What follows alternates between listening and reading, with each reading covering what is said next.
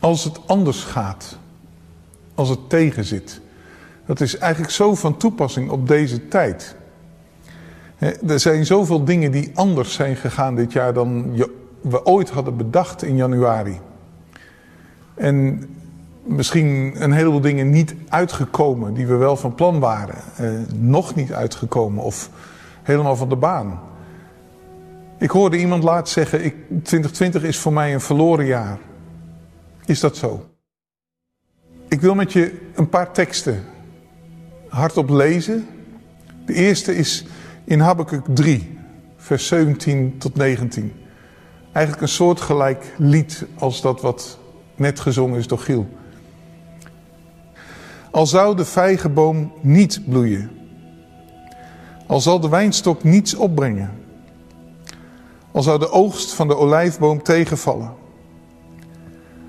al zou er geen koren op de akker staan, al zal er geen schaap meer in de kooien zijn en geen rund meer binnen de omheining, toch zal ik juichen voor de Heer.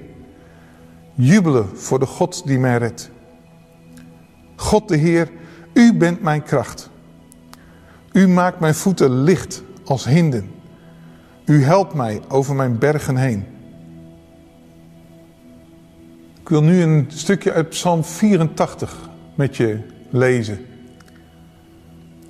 Zalig de mens wiens sterkte in u is, in wiens hart de gebaande wegen zijn. Als zij trekken door een dal van balsemstruiken, dan maken zij het tot een oord van bronnen. Ook hult de vroege regen het in zegeningen. Zij gaan voort van kracht tot kracht en verschijnen voor God in Sion. O God, ons schild, zie en aanschouw het aangezicht van uw gezalfde. Want één dag in uw voorhoven is beter dan duizend elders. Ik wil liever staan aan de drempel van het huis van mijn God, dan verblijven in de tenten van de goddelozen. Is het een verloren jaar?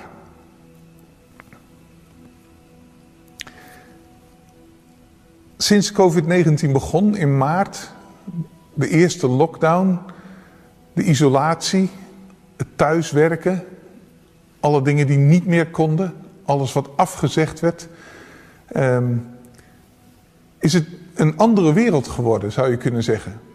Een, in mijn beleving soms bijna een, een wereld die on hold staat, in, op, in de pauzestand staat, die aan het wachten is totdat dit voorbij is.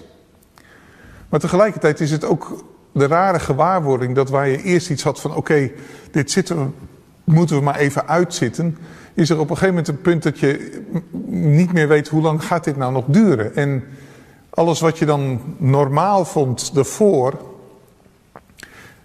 wordt het nog wel zo normaal hierna? En dan kom je in een raar soort niemandsland. Bijna dat gevoel van een dal, van balsemstruiken. Een plek die uh, niet zo vruchtbaar lijkt, die dor lijkt, die droog lijkt. Een, een eenzame plek zou je kunnen zeggen. En voor sommigen van ons was het dat ook letterlijk. Dat thuiswerken in je eentje, dat niet weg kunnen of niet zoveel, elkaar niet op kunnen zoeken, geen, ja, geen bronnen van inspiratie. In Habakkuk 3, vers 18 tot 19 hoor je die sfeer eigenlijk uh, als alles eigenlijk tegenvalt, als alles anders is. Er is geen opbrengst die ik had verwacht aan de wijnstok, aan de vijgenboom, op de akker. Uh, het, het werkt allemaal niet zoals ik had gehoopt. Ik krijg niet wat ik had verwacht te krijgen. En dan zegt Habakkuk, te midden van die uh, omstandigheden, ik zal u toch loven. Met andere woorden, Habakkuk maakt een wilsbesluit om te zeggen, ook al zijn die omstandigheden zo, ik kies ervoor om u te loven. Ik moet je zeggen dat ik dat vaak de moeilijkste momenten vind. Om, als de omstandigheden niet zo happy zijn, om dan toch God te loven. juist omdat ik eigenlijk niet zoveel ja, uh, positieve vibes voel die mij tot dankbaarheid stemmen of iets dergelijks, is het op zo'n moment een soort van wilsbesluit. Precies zoals Habakkuk het eigenlijk zegt. Ik zal, ik doe het toch, ik, ondanks die situatie. Ook al is het zo. Ik ga u loven. Maar dan is het bijzondere dat die, um, die keuze op zo'n moment maken in zulke omstandigheden, die heeft iets in zich van een geloofsbelijdenis. Een keuze um, om iets te doen vanuit het vertrouwen dat God toch in controle is. Dat hij de zaak echt vast in handen heeft. En dat het goed komt omdat God de zaak in handen heeft. Met jou. Met mij. In Habakkuk klinkt er dan achteraan. U maakt mijn voeten als die van hinden.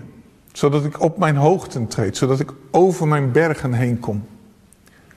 En ik merk, ik herken in die keuze van Habakkuk. Dat op het moment dat je zo'n keuze maakt, dan open je daarmee als het ware midden in hele moeilijke omstandigheden je hart, je gemoed in de richting van God. Waardoor Hij iets kan doen in je. Waardoor de zaak draagbaarder wordt, lichter wordt. En je over de berg heen kunt kijken als het ware. Of in ieder geval het gevoel hebt, ik word er een beetje overheen getild. Ik, ik heb een duw, ik heb Gods wind in de rug, zou je kunnen zeggen. Ik vond het heel bijzonder om dat te zien toen ik deze week op bezoek was in het ziekenhuis.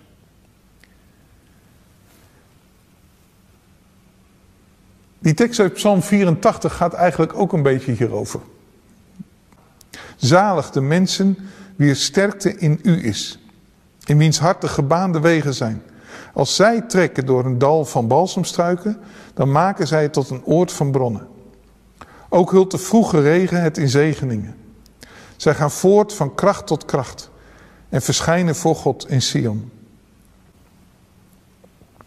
Er zitten een paar opvallende dingen in dat middengedeelte. Er staat op een gegeven moment mensen uh, die zo zijn, als zij door een dal van balsemstruiken trekken, dan maken zij het tot een oord van bronnen. Een dal van balsemstruiken is denk ik een hele uh, een heel helder beeld. Het is een dorre plek. Een plek waar weinig groen is, waar niet zoveel te genieten valt. Een plek waar je doorheen trekt, niet een plek om te, in te blijven hangen. En misschien zou je kunnen zeggen, sinds maart is 2020 zo'n soort dal van balsemstruiken.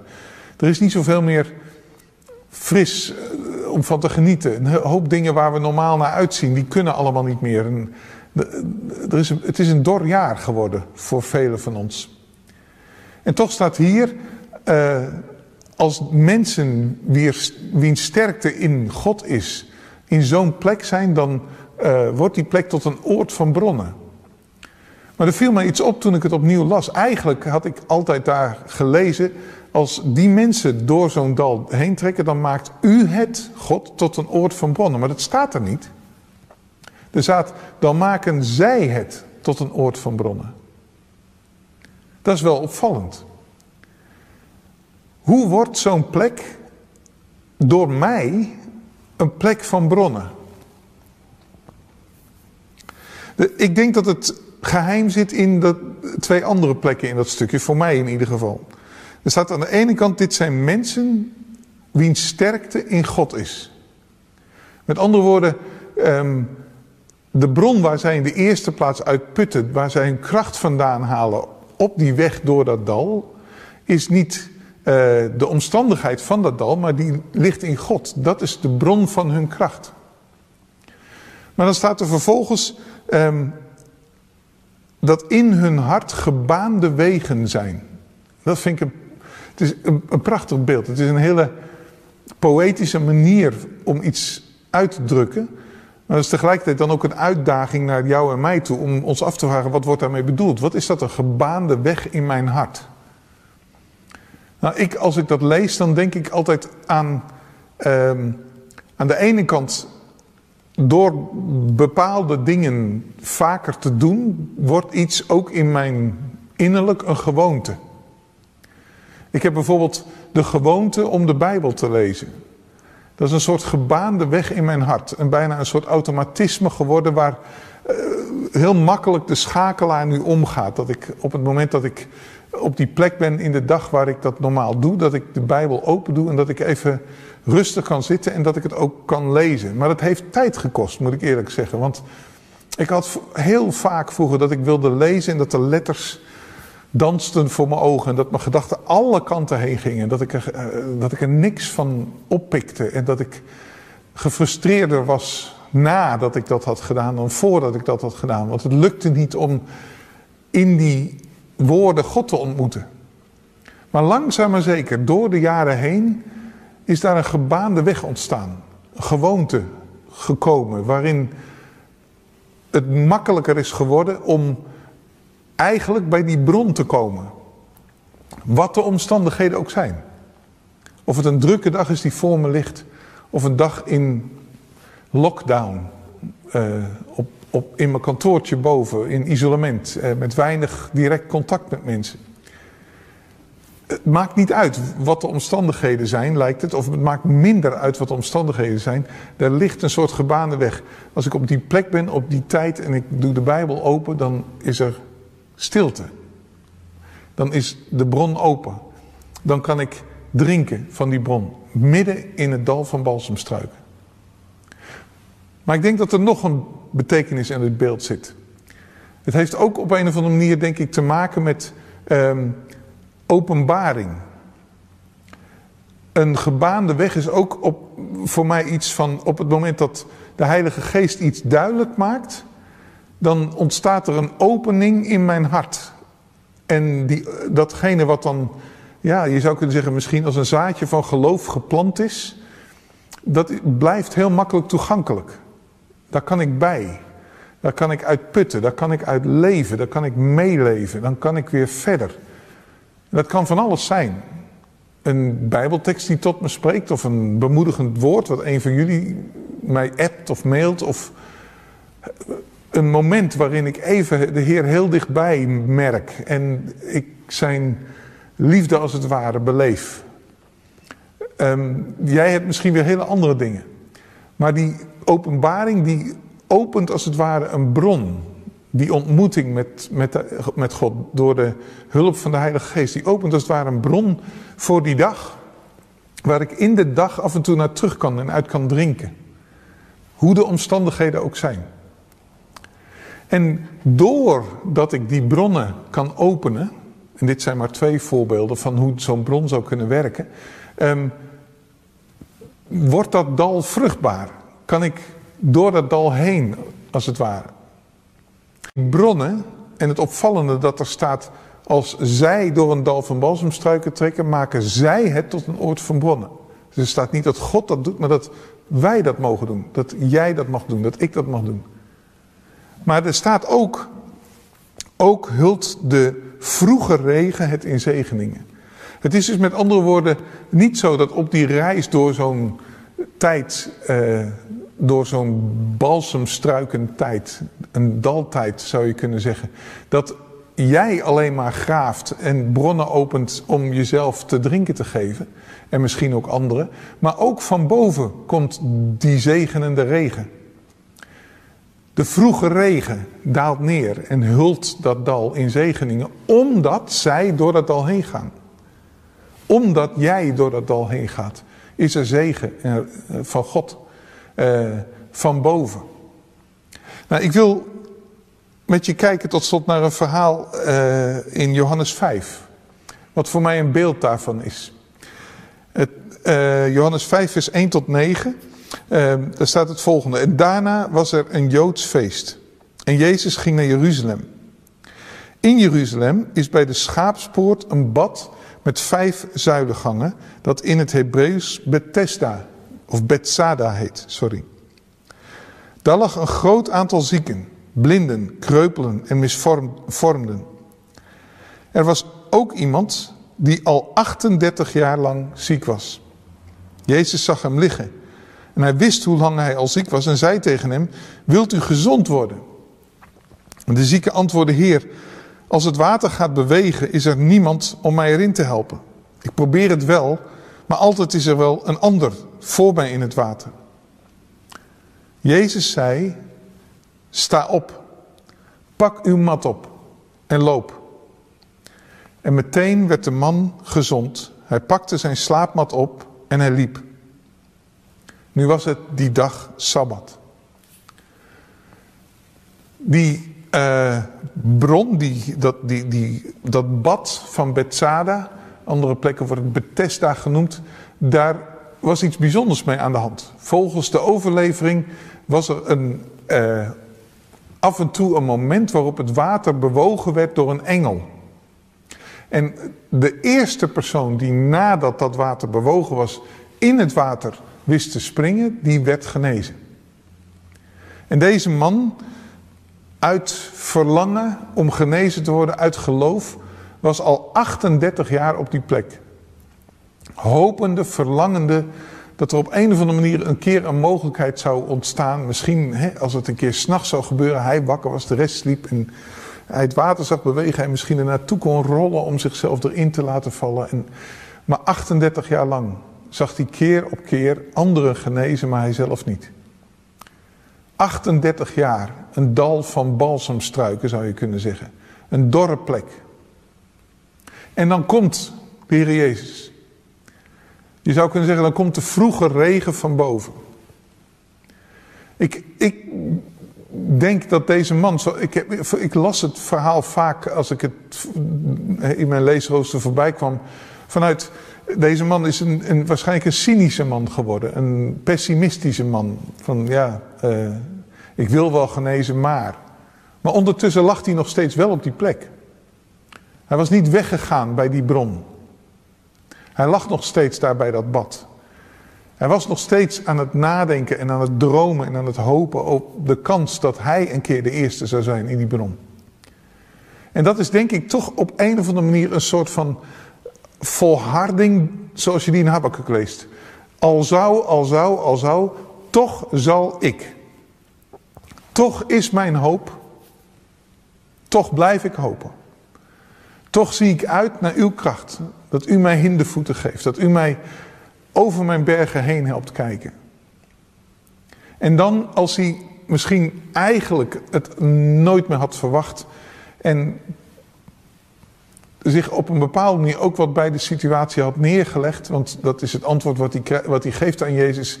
Heer, ik heb niemand, het zal wel niet gebeuren. Uh, ik, het zou mooi zijn, dank u voor de sympathieke vraag. Dan ineens is daar Jezus. En dan zegt Jezus, sta op. Neem je matras op en wandel.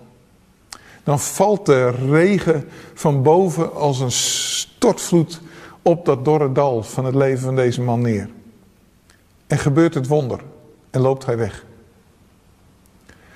Nou, ik denk dat dat het perspectief is waarin we leven. Aan de ene kant is het de uitdaging om in die soms dorre omstandigheden van dit leven tussen D-Day en V-Day, tussen uh, paasmorgen en de wederkomst van Jezus, wanneer hij alle dingen nieuw zal maken en alle ziekte en kwaal voorbij zal zijn en alle tranen afgedroogd worden. In, die, in dat strijdtoneel waarin jij en ik eigenlijk leven. Aan de ene kant is er die uh, vastberadenheid die, die, die de Bijbel jou toe uitnodigt en mij toe uitnodigt. Van Habakkuk, die zegt al zou, al zou, al zou, ik zal. Dat is de vastberadenheid die graaft die zijn sterkte zoekt in vertrouwen op de Heer en die bronnen openbreekt. Gewoontes, uh, wegen baant in de wildernis, in, in de wildernis van het eigen hart. Zodat geloof kan groeien, zodat verwachting levend blijft, zodat hoop blijft borrelen.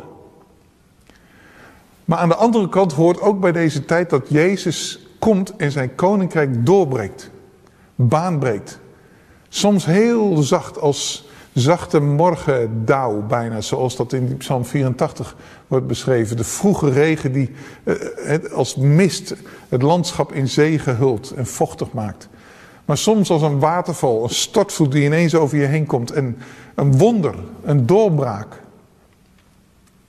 Ik denk um, dat de boodschap van vandaag is de aanmoediging om Het een te verwachten en het ander te doen. Met de vastberadenheid van Habakkuk te graven en de bronnen te openen. En de gebaande wegen in je hart eh, te ontvangen en te bewandelen. En tegelijkertijd in hopen dat het koninkrijk van God met kracht doorbreekt. En iedereen het zien zal. Nu of straks als Jezus terugkomt. Maar het zal doorbreken.